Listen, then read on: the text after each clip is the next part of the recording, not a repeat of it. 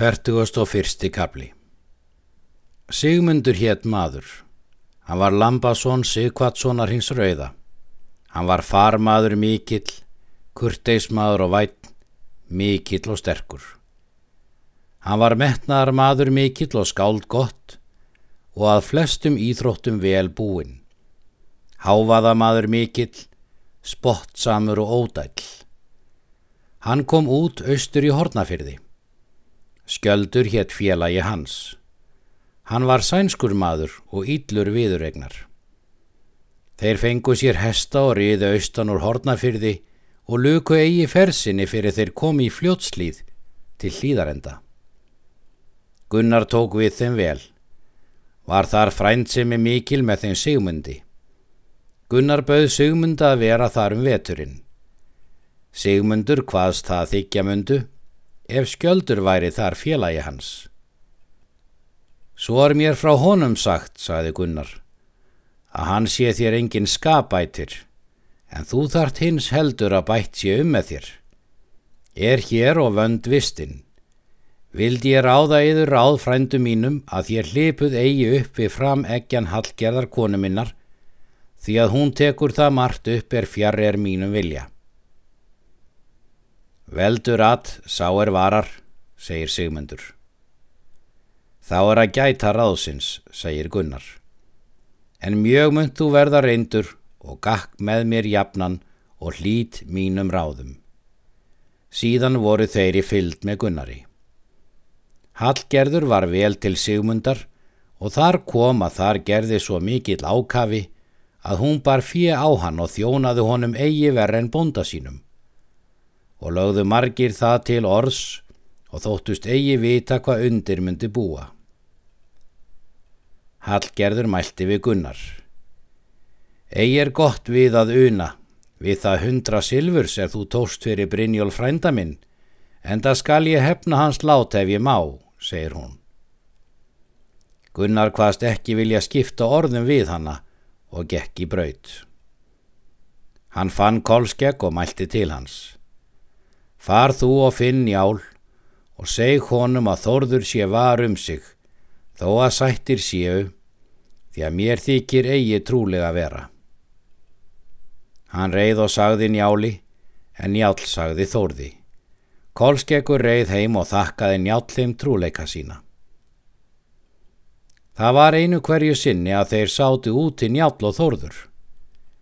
Þar var vanur að ganga hafur um túnið og skildi engin hann í brautur eka. Þórður mælti. Undarlega bregður nú við. Hvað sér þú þess er þér þykir með undarlegu móti vera, segi njál. Mér þykir hafurinn liggja hér í dælinni og er al blóðugur allur.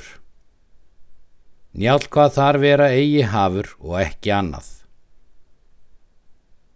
Hvað er það þá, segir Þórður. Þú munt vera maður feigur, segir Njál, og munt þú séð hafa fylgju þína og verð þú var um þig. Ekki mun mér það stóða, segir Þórður, ef mér er það ætlað. Hattgerður kom að máli við þráinn Sifússon og mælti. Máur þætti mér þú verið að þú dræpir Þór Leysingjason. Egi mun ég það gera, segir hann, því að þá mun ég hafa reyði Gunnars frænda míns. Mun og þar stort áliggja því að víkst þess mun brátt hemt verða. Hver mun hefna, segir hún, hvort Karlinn skegglausi?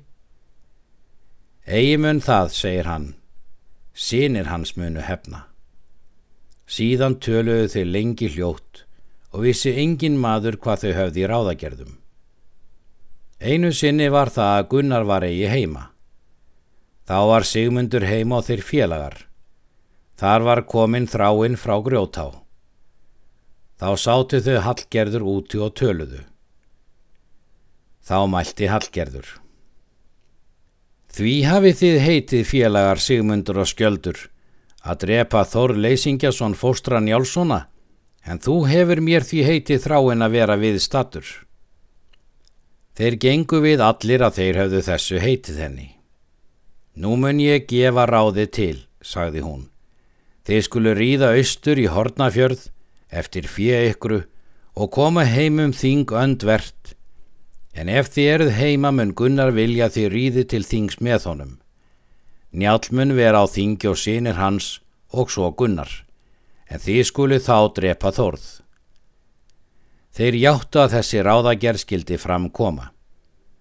Síðan byggust þeir austur í fjörðu og varaðis Gunnar það ekki og reið Gunnar til þings. Njáln sendi Þór Leysingjason austur undir Eyjafjöll og bað hann veri í brautu einanótt. Hann fór austur og gaf honum eigi austan því að fljóti var svo mikið að langt varum og reitt. Njáln beigð hans einanótt því að hann ætlaði að hann skildi riðið hafa til þings með honum. Njáln mælti við Bergþóru að hún skildi senda Þór til þings þegar hann kæmi heim. Tveim nóttum síðar kom Þórður austan.